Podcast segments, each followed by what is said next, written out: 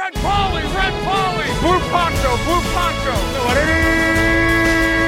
You're the hunter or you're the hunted. We came here to hunt. Blue, clear. White 25. Let we go. Riley! Riley! You know what time it is?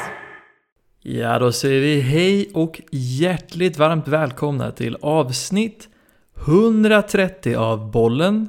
Den är oval, det vet ni sedan tidigare.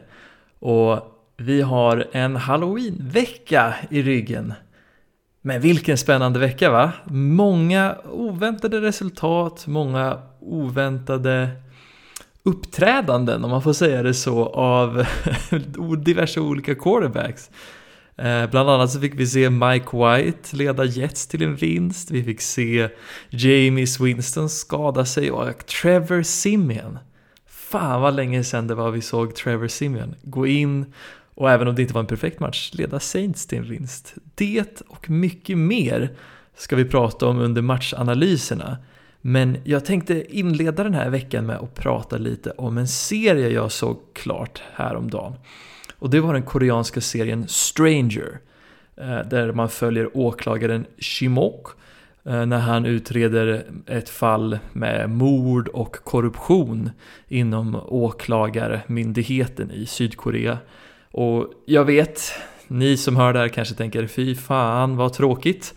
Men jag måste säga er att K eller koreanska serier och speciellt K-draman som har blivit min thing nu på sista tiden är fan lite av det göttigaste jag vet. Men det är lite som att hålla på ett fotbollslag för man måste nästan alltid investera de första få avsnitten som är ganska tråkiga om jag får säga så. Det är mycket story som ska läggas och det är lite som att hålla på ett sånt här Ja men typ ett Denver efter 2015 eller ett Cleveland eller ett Chargers. Där att man, det känns som man trampar vatten ganska länge.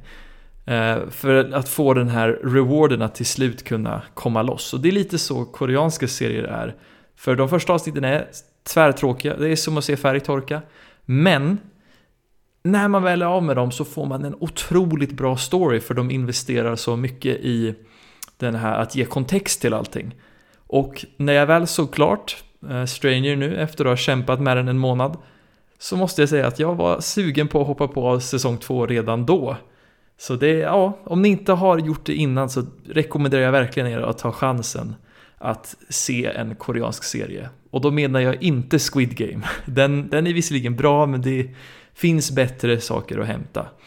Eh, varför inte Crash Landing on You om jag får ge ett tips. Men vi börjar med att titta vad som hände i New York när Mike White och Jets slog bam, bam, bam, bam, bam, bam, Cincinnati Bengals. Ja, vad ska man säga? Mike White som draftades i femte rundan av Dallas för flera år sedan kliver in för en skadad Zach Wilson och bjuder på en hejdundrande match och duell mot Cincinnati Bengals och Joe Burrow. Matchen inleds med att New York Jets i stort sett dominerar första kvarten från vad jag skulle säga. Det här var en match där man såg ett väldigt klar plan från Jets som de också lyckades utföra i ganska stor mån. De började med väldigt mycket korta passkoncept och springspel centrerat kring sin rookie running back Michael Carter. Michael Carter stod för nästan 200 yards total offense den här matchen och det märktes verkligen för han var aktiv både i passspelet med 95 yards och i springspelet med 77 yards.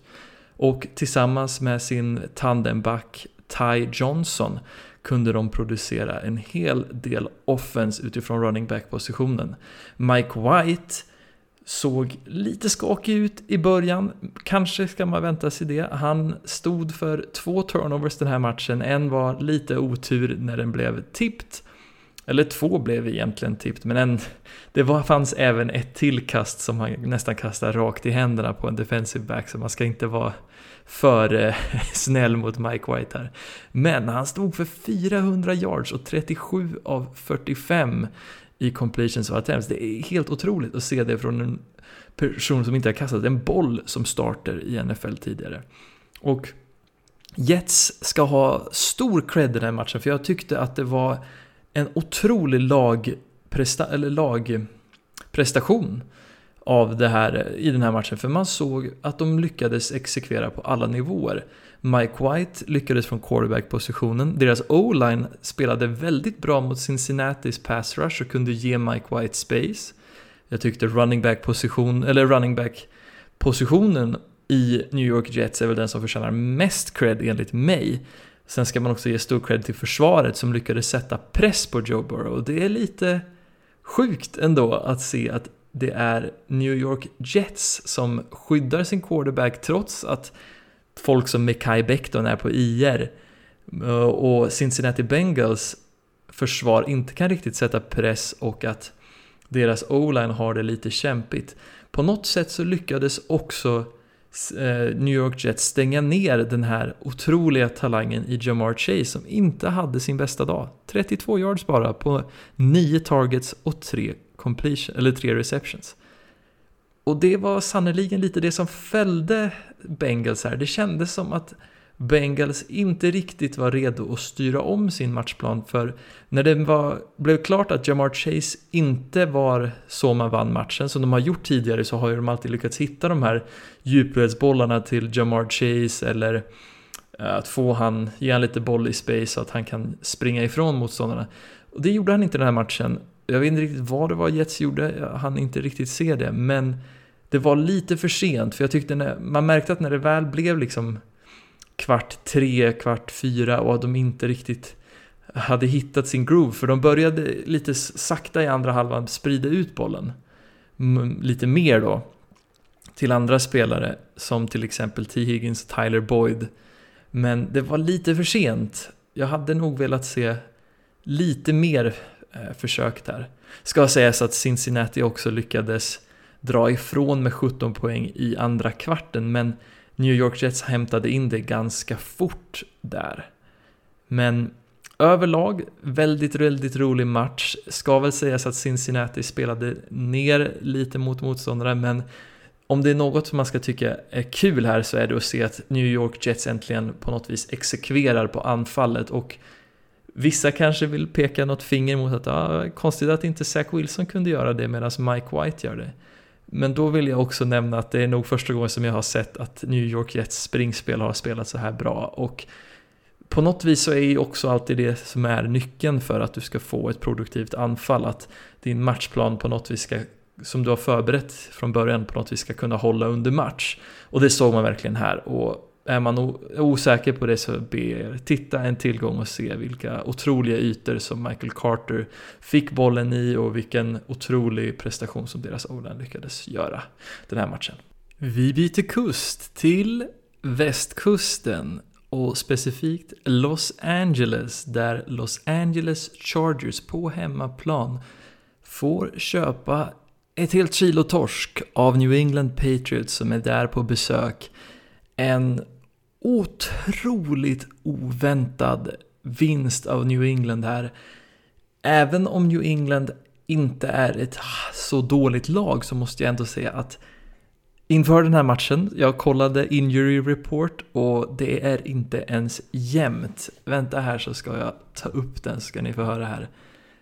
Om man summerar några av highlightsen av New Englands sida så är det David Andrews, Kendrick Bourne, Kyle Duggar, Nick Folk, Dante Hightower, Shaq Mason, Johnny Smith, Josh, Josh Uche, Kyle Van Noy, Dietrich Wise. Det är bara, det är så jävla många som var questionable. Alla de var questionable inför den här matchen. Medan Los Angeles Chargers hade fyra totalt. Varav två inte hade någon specifik game-status fadäs vid matchtillfälle och det var då Nasir Adderley och Mike Williams. Den enda som var questionable, eller de två som var questionable som var noterbara var Drew Tranquil och Austin Eckler. Och att se ett Chargers som många ändå trodde hade ganska stora slutspelsaspirationer med en otroligt elektrisk quarterback i Justin Herbert bli helt neutraliserade mot ett skadat New England där New England den här matchen var, det var ganska jämnt i början. Det var två anfall som hade det ganska kämpigt. Det var ett, en match där försvaren regerade. större delen av matchen. Det enda som på något vis kunde generera någon form av anfall enligt mig var New England och deras springspel. Där Damien Harris och eh, Ramondre Stevenson tillsammans med korta kast med, från Mac Jones kunde generera konsekvent anfall medan Justin Herbert hade några bra drives, han hade tur med en lång run av Justin Jackson som ledde till en TD av Keenan Allen, men utöver det så var det jävligt kämpigt för dem att få igång drives i jämförelse mot New England. Medan i New Englands fall så var det mer att de aldrig riktigt kunde slutföra drives. Så en sak jag tycker att man märker med det här New England är att det saknas lite star power på deras receiverposition. Eh, Kendrick Bourne, Nelson Agalor, Jacoby Myers är inte riktigt den här... Eh, det är inte riktigt den truppen som jag tror är eh, New England är speciellt nöjd med. Jag tyckte man märkte att det var många tappade bollar och det är väldigt svårt att få separation med alla de här spelarna. Det är väl Nelson Aguilar som kan dyka upp för en djupledsboll ibland. Kendrick Bourne lika så men samtidigt om man kommer till nere vid röda zonen och slutzonen så är ytorna mycket mindre och där behöver man någon sorts superstjärna ibland för att kunna göra touchdowns och det saknar New England i tillfället Eh, om de hade haft till exempel Keenan Allen den här matchen så tror jag inte det hade varit speciellt jämnt alls. Och jag tror Mac Jones för sin utveckling kommer behöva det så småningom. För han blir bättre och bättre för varje vecka, vilket är sjukt nog, för han var ju ganska bra redan i början på säsongen. Men nu märker man hur han börjar strössla in de här längre och längre djupledsbollarna som en ny dimension i sitt spel och det är precis det jag ville se. Han testade även på att springa med bollen den här matchen, vilket var lite kul. Eh, om man hoppar över till Chargers sida så tycker jag att Justin Herbert hade det ganska kämpigt. Det var väl inte... Jag var, det var lite oväntat men samtidigt inte så oväntat för vi vet ju vilket geni Bill Belichick är och han är, har ju ett sätt, en fallenhet att göra lite som han vill med unga quarterbacks och det var väl lite extra kul att se att Adrian Phillips, safetyn som spelade i Chargers förut, fick stå för två interceptions på Justin Herbert. Jag är inte så orolig för Chargers, jag tror att det här var en match de inte riktigt var beredda på. New England är alltid svåra att möta. Eh, men det har varit två matcher i rad nu som man inte har sett någon sorts önskvärt anfall i Chargers. Jag undrar lite vad det kan bero på. Jag tyckte man såg väldigt mycket press från New Englands D-line och jag undrar om det kanske är lite svajigt på deras offensiva linje just nu. Men det låter vi framtiden utvisa och vi hoppar in i nästa match. Ja, då är vi i en match jag inte alls var speciellt glad över att se, men ni kan vara nöjda med att jag såg den så att ni slipper se den. Och det är Pittsburgh Steelers mot Cleveland Browns Pittsburgh Steelers vinner den här matchen 15 mot 10 i en match där försvaren spelade helt okej, okay, men jag tycker att det var ett helt klart icke godkänt till båda lagens quarterbacks.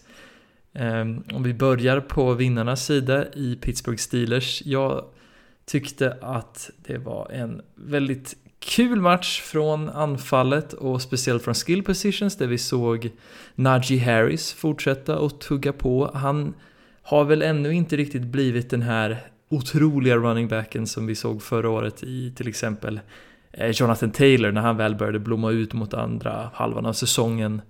Eh, eller ja, jag vet inte, Derek Henry, Nick Chubb, den typen.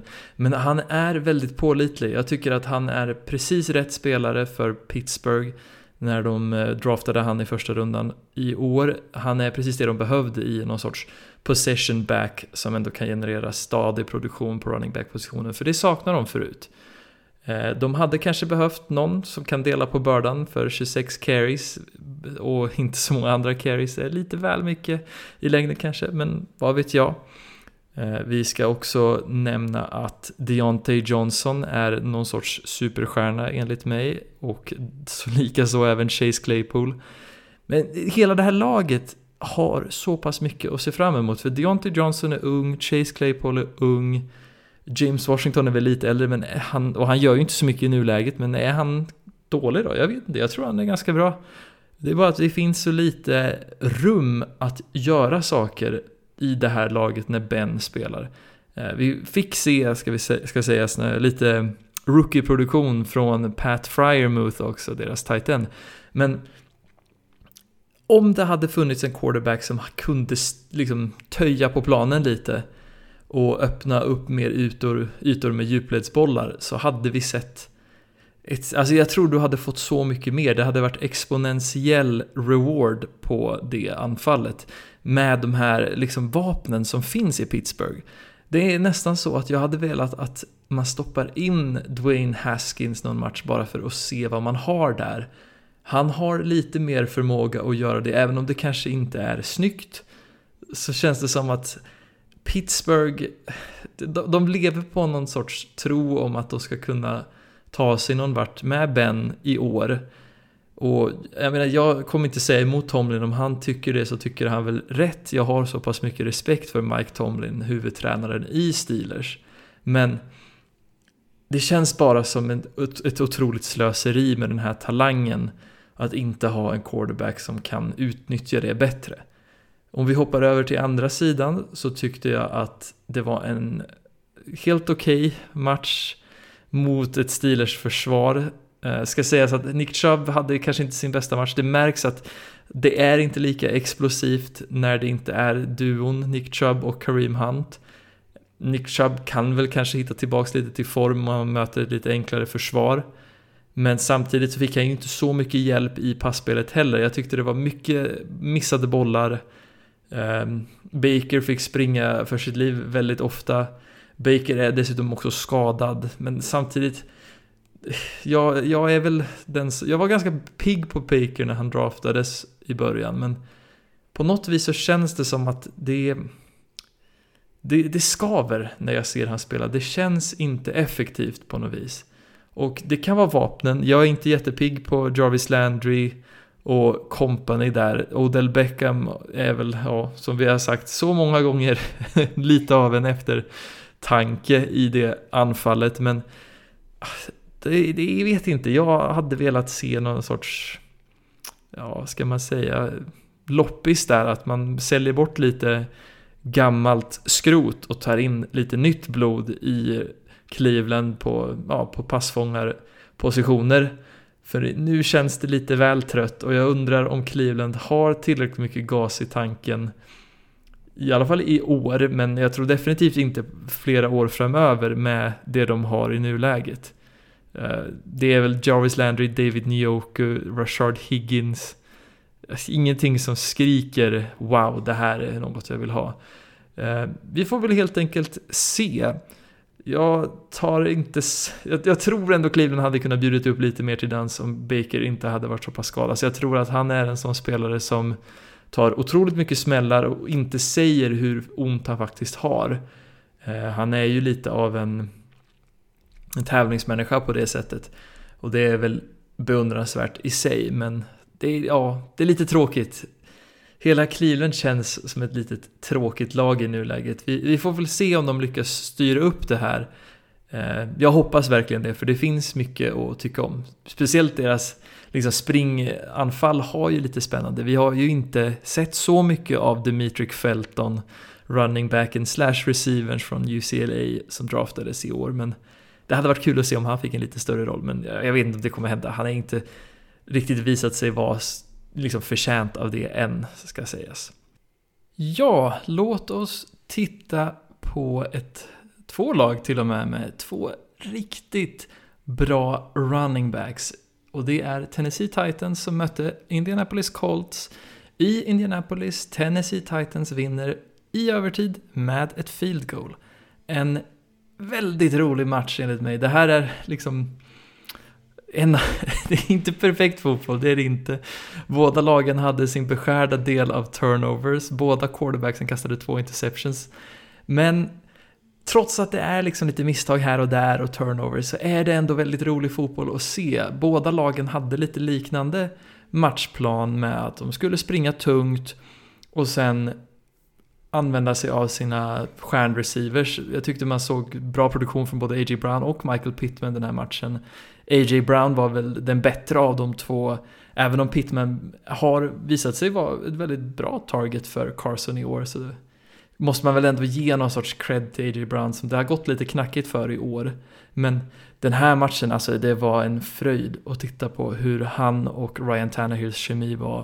A.J. Brown för mig är, kan vara, han kan nog vara en av de den här trion av roliga wide receivers att titta på. Det är han, det är DJ Moore och det är Terry McLaurin som jag tycker är roligast just nu. Det är, det är någonting speciellt som alla de bidrar med och att just se A.J. Browns liksom fysiska spelstil och sen kombinera det med den här elegansen, att han ändå visar prov, eller visar exempel där han även kan hantera de lite mer detaljerade aspekterna. Han gjorde ett par riktigt duktiga eh, sideline catches den här matchen och ah, ja, det är bara väldigt eh, intressant och elektrisk spelare att titta på. Eh, om man ska gå över till running backsen så tyckte jag att Jonathan Taylor hade lite av den bättre matchen. 16 carries för 70 yards. Derrick Henry stod för 28 carries och bara 68. Så det är nästan dubbla antalet carries för likvärd produktion och det kan man till viss del kanske till, ja, man kan väl tillskriva det till att Derrick Henry hade råkat ut för en skada den här matchen och han har faktiskt hamnat på IR nu. Eh, han skadade foten och det var, jag kommer inte ihåg exakt vad det var, men plan, eh, prognosen är att han är borta i åtminstone åtta veckor nu framöver. Så han är redan placerad på IR. Men ska tydligen ha, det ska ha hänt någon gång under matchen och han ska ha ja, slutspel, spelat klart matchen med den här skadan, vilket är ganska sjukt. Men det, ja, han gjorde inte så mycket här den här matchen. Men det var ju tur att de fick produktion på annat håll. Medan i Indianapolis fall så undrar jag varför de inte använde Taylor mer.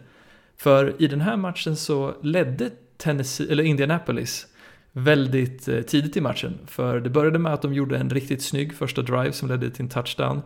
Och direkt efter det så kastar Ryan Tannehill en, en interception som eh, ger Indianapolis bra field position och de går ner för en TD igen och leder då med 14 poäng. Men sen så knappar Tennessee in, det var några märkliga inte märkliga domslut, men konstiga händelser den här matchen. Det var en hel del pass interference djupt ner på bådas planhalvor som dömdes. Och det var en väldigt märklig interception som kastades av Ryan Tannehill, men på returnen så slog eh, Tennessees anfall bollen ur händerna på han som, som gjorde interceptionen. Och det resulterar i en fumble som då Tennessees anfall återhämtar. Och ja, det var bara väldigt knepigt. Det var verkligen bollen efter det som A.J. Brown fick bollen på kanten och lyckades springa in den eh, för en touchdown på 57 yards. Låt oss prata Saints. Saints tog emot Tampa Bay Buccaneers och slog dem på hemmaplan. 27 poäng till Tampa Bay Buccaneers, 36 poäng till Saints i en match som jag vet inte riktigt vad jag ska säga. När jag såg den tyckte jag det såg ut som att Tampa Bay skulle vinna. Det var egentligen bara Saints försvar som gång på gång på gång gjorde enormt viktiga turnovers här. Och dessutom kunde stoppa Tampa Bay, för jag tyckte att Tampa Bay ändå hade igång anfallet, men de kom aldrig till skott att göra poäng. För så som det såg ut större delen av deras drive så tänkte man att ja, men det här är nog en match när Tampa lägger 30-40. Istället så blir de hållna till bara 27 poäng och tre av deras turnovers genererar otroligt viktiga poängsving för New Orleans Saints som med enorm otur tappar sin starter James Winston här i en knäskada och han är faktiskt borta för säsongen. Så nu saknar vad heter det, New Orleans Saints både James Winston och Taysom Hill som var deras tilltänkta liksom, quarterbacks i början på säsongen. Istället kliver en gammal klassiker, Trevor Simeon, in. Trevor gör ingen supermatch, men en mycket bättre match än vad jag förväntar mig. Och en, på något vis så kändes det som att den här matchplanen, eller liksom spelstilen som de har lagt upp kring James Winston passade Trevor ganska bra. Och om jag får vara så elak så tycker jag man märker att den här spelstilen är lite för att gömma quarterbacken. Eh, det är väldigt enkla bollar för det mesta och man försöker liksom generera allting från springspelet. Men med det sagt så tycker jag både Jamies och Trevor den här matchen lyckades kasta några riktigt fina bollar. Eh, Jamies Winstons TD-kast till Traquan Smith var helt otroligt. Han kastade den i ena hörnet i endzone och lyckas träffa Trick One Sweet i, i farten, i steget, vilket var otroligt fint. Eh, Trevor Simeon stod för några riktigt snygga kast på comeback plays när en receiver springer en rutt och sen kommer tillbaks eh, på rutten lite. Och då lyckades Trevor träffa dem väldigt träffsäkert och med väldigt bra tempo. Och det var det som gjorde att de kunde liksom upprätthålla flera drives. Alvin Kamara gjorde sin grej både i pass och springspelet. Kanske inte skitmycket, men tillräckligt för att vara det som förde anfallet framåt. Medan Tampa Bay kändes som de förlitade sig mer på de sådana här big plays. Jag tyckte Chris Godwin hade en otrolig match här. 8 receptions på 12 targets med 140 yards. Stod för några riktiga långbollar som var riktigt snygga. Mike Evans stod för en riktigt snygg TD-fångst också. Men det här Bruce Arians djupledskastanfallet känns som att marginalerna kan vara ganska små ändå, även om det känns som att anfallet går bra. För om de inte har den här springspelet, för det hjälpte sannerligen inte till eh, idag, ska sägas. 14 carries bara, så ingen, ingen stor grej, varav en var Tom Brady då. Och ja, jag vet inte. Det var väl Giovanni Bernard som stod för den största grejen, men det var bara på en run på 24 yards. Utöver det så en 50 yards dag för deras springanfall, vilket är inte godkänt. Men om de inte har den så måste de träffa de här djupledsbollarna oftare. Och om de inte gör det så tenderar drives att dö. Och tillsammans med att Saints försvar som lyckades koka ihop en riktigt bra eh, defensiv plan mot Brady och kunde generera de här eh, turnoversen så blev det tyvärr väldigt svårt. Men ändå så gick det ner till sista poäng, eller sista stunden. Det var en, en sen interception av Tom Brady av PG Williams som ledde till en pick 6. Eh, och utan den så hade den här matchen bara varit ett field goal mellan. Och det är lite mer representativt tycker jag. Det, jag tycker Saints var kanske det bättre laget idag. Jag vet inte om de är det bättre laget på säsongen, men jag är otroligt imponerad av det här lagbygget och vilket jobb som Dennis Allen och Sean Payton har gjort. Vi river av två korta matcher till. Dallas var på besök i Minnesota och vann mot Vikings 20 16 i en lite av en kaosmatch. Eh, Dak Prescott hade problem med sin vad inför matchen och aggraverade den under uppvärmningen och kunde inte spela matchen så deras backup Cooper Rush fick kliva in och levererade en helt okej okay match. Det var en riktig kraftuppvisning av Dallas um, offensiva pjäser i form av Murray Cooper, CD Lamb, Elliot, Pollard. Jag tyckte alla de across the board med den, de chanserna de fick presterade svinbra. Det var kanske inte den mest poängrika matchen, det tog väldans tid för de här lagen att generera någon form av offense, mycket tack vare att båda försvaren spelade riktigt bra. Men det som egentligen var det man minns från den här matchen, och det jag tar med mig var den här sista driven som Dallas gör när det börjar med en helt otrolig fångst av Amari Cooper som sedan följs upp av en till otrolig fångst av Cooper och som till sist knoppas av med en riktigt snygg kast och fångst av Ezekiel Elliott på en third and long och han sen lyckas bryta sig igenom två eller tre tacklare för att få en first down och för att sen ja, kasta in touchdownen. Ah, det var otroligt. Jätterolig match att se från Dallas perspektiv. Från Vikings å andra sidan så är man nog inte lika glad. Jag förstår fortfarande inte hur det här laget kan ha så svårt att generera någon form av anfall när de har verkligen allt de behöver. De här lagen är ju ganska lika i att de har en riktigt bra featureback i Elliot och Dalvin Cook. De har en helt, ja, Dak är väl bättre än Kirk, men i den här matchen så var det ju Cooper Rush som var bättre än Kirk. Jag menar, Kirk ska vara en bra quarterback. Eh, deras receiving core, Thielen, Justin Jefferson, det är helt okej. Okay. De ska inte behöva så mycket mer. Men ändå så är det så här traggligt varje match känns det som. Det är jättetråkigt. Vet inte vad det beror på. Jag hoppas att de kan styra upp det. Men annars så kanske vi ska börja kassera Vikings. Det har vi varit på tidigare men jag tycker att det börjar bli mer och mer angeläget. Och till sist så tar vi måndagsmatchen. Kansas City tog emot New York Giants och Kansas City vann den matchen med 20 till 17. Det här var en match som jag hade velat påsa om vi körde den ligan. Och jag hade varit nära. Det här var en match som Giants verkligen var i, hade chans att vinna.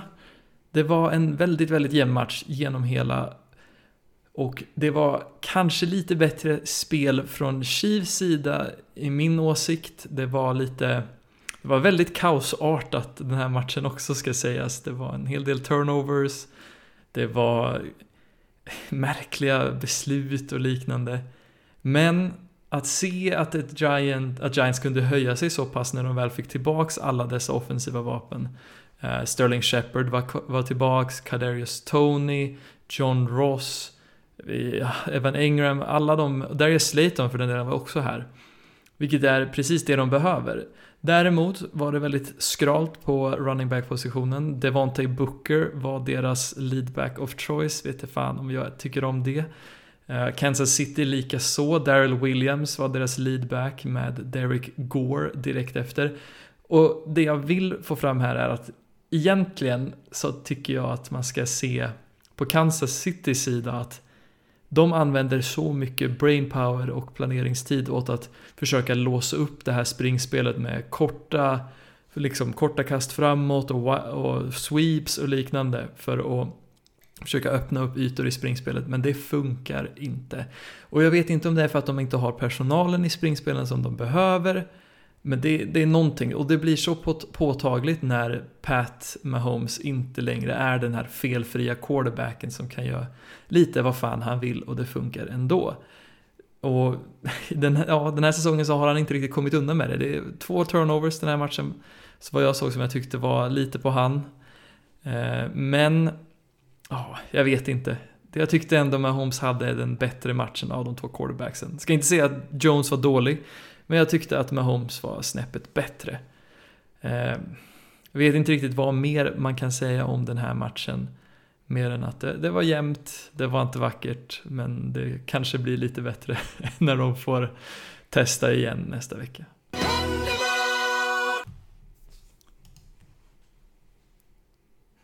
Ja, innan vi hoppar in i sportboken vill jag nämna några noterbara händelser som hände under helgen. Eller det, ja, efter helgen för den delen. Eh, det första är att Falcons wide receivern Calvin Ridley eh, tillkännagav under söndagen att han kommer ta ett steg bort från fotbollen och fokusera på sin mentala hälsa under en tid. Eh, oklart hur länge det kommer vara, men ett, en otroligt stor förlust för det här Atlanta Falcons som tidigare i år tradade bort sin långvariga stjärnreceiver Julio Jones. Han hade, Julio hade kanske inte stannat där så, lång, så mycket längre ändå. Men att trada bort han och sen se sin unga stjärna Calvin Ridley ja, kämpa med inre demoner och behöva ta ett steg bort från fotbollen. Det känns som att Atlanta kommer ta ganska mycket skada av det här, men man får också beakta att det är nog för det bättre, för jag tror Calvin förmodligen inte hade presterat så bra på plan om man kämpade med de grejerna som han gör. Eh, och det är väl lite därför som jag alltid tycker att det är bra att om, om man känner att man behöver göra så här så är det nog för det bättre att du tar ett steg bort och fokuserar på dig själv. Eh, mental ohälsa är något som vi alla säkert har på, träffat på runt omkring oss och det är viktigt att vi tar det på allvar. Och jag hoppas det bästa för Calvin Ridley och så hoppas vi att vi får se honom snart i ligan igen. Däröver så har vi också att en trade har skett. Denver Broncos tradar sin stjärna Von Miller till Rams för ett andra och tredje rundeplock nästa år. En ganska oväntad trade. Jag var inte riktigt beredd på att mitt lag Denver Broncos skulle trada bort sin franchise-spelare om man får säga det så, Von Miller. För det är nog ingen som har um, betytt så mycket för den organisationen som Von Miller de senaste 6-7 åren. Eh, Von Miller draftades 2011 som second overall efter Cam Newton. Och sen dess så har han varit otroligt duktig. Han har plockat på sig ett gäng All-Pros och flertalet Pro Bowls. Dessutom så var han instrumentell i Denvers eh, Super Bowl-vinst 2015 när han tog eh, Peyton Manning och diverse andra till en Super Bowl-vinst när han stod för två forced fumbles, och, eller så kallade strip sacks i Super Bowl 50. Eh, om man ska ge mitt liksom, fan-intryck först så tycker jag att det är otroligt tråkigt jag hade gärna sett att Von stannade hela sin karriär i Denver. Jag tycker det är otroligt indikativt av hur dålig tränarstaben i Denver är. Eh, det känns som att jag går runt redan och väntar dagarna på, eller räknar dagarna på att vi ska sparka Vic Fangio och Pat Shermer och i princip varenda person i den tränarstaben för det. De hade så mycket lovande grejer och de kan inte leverera på det.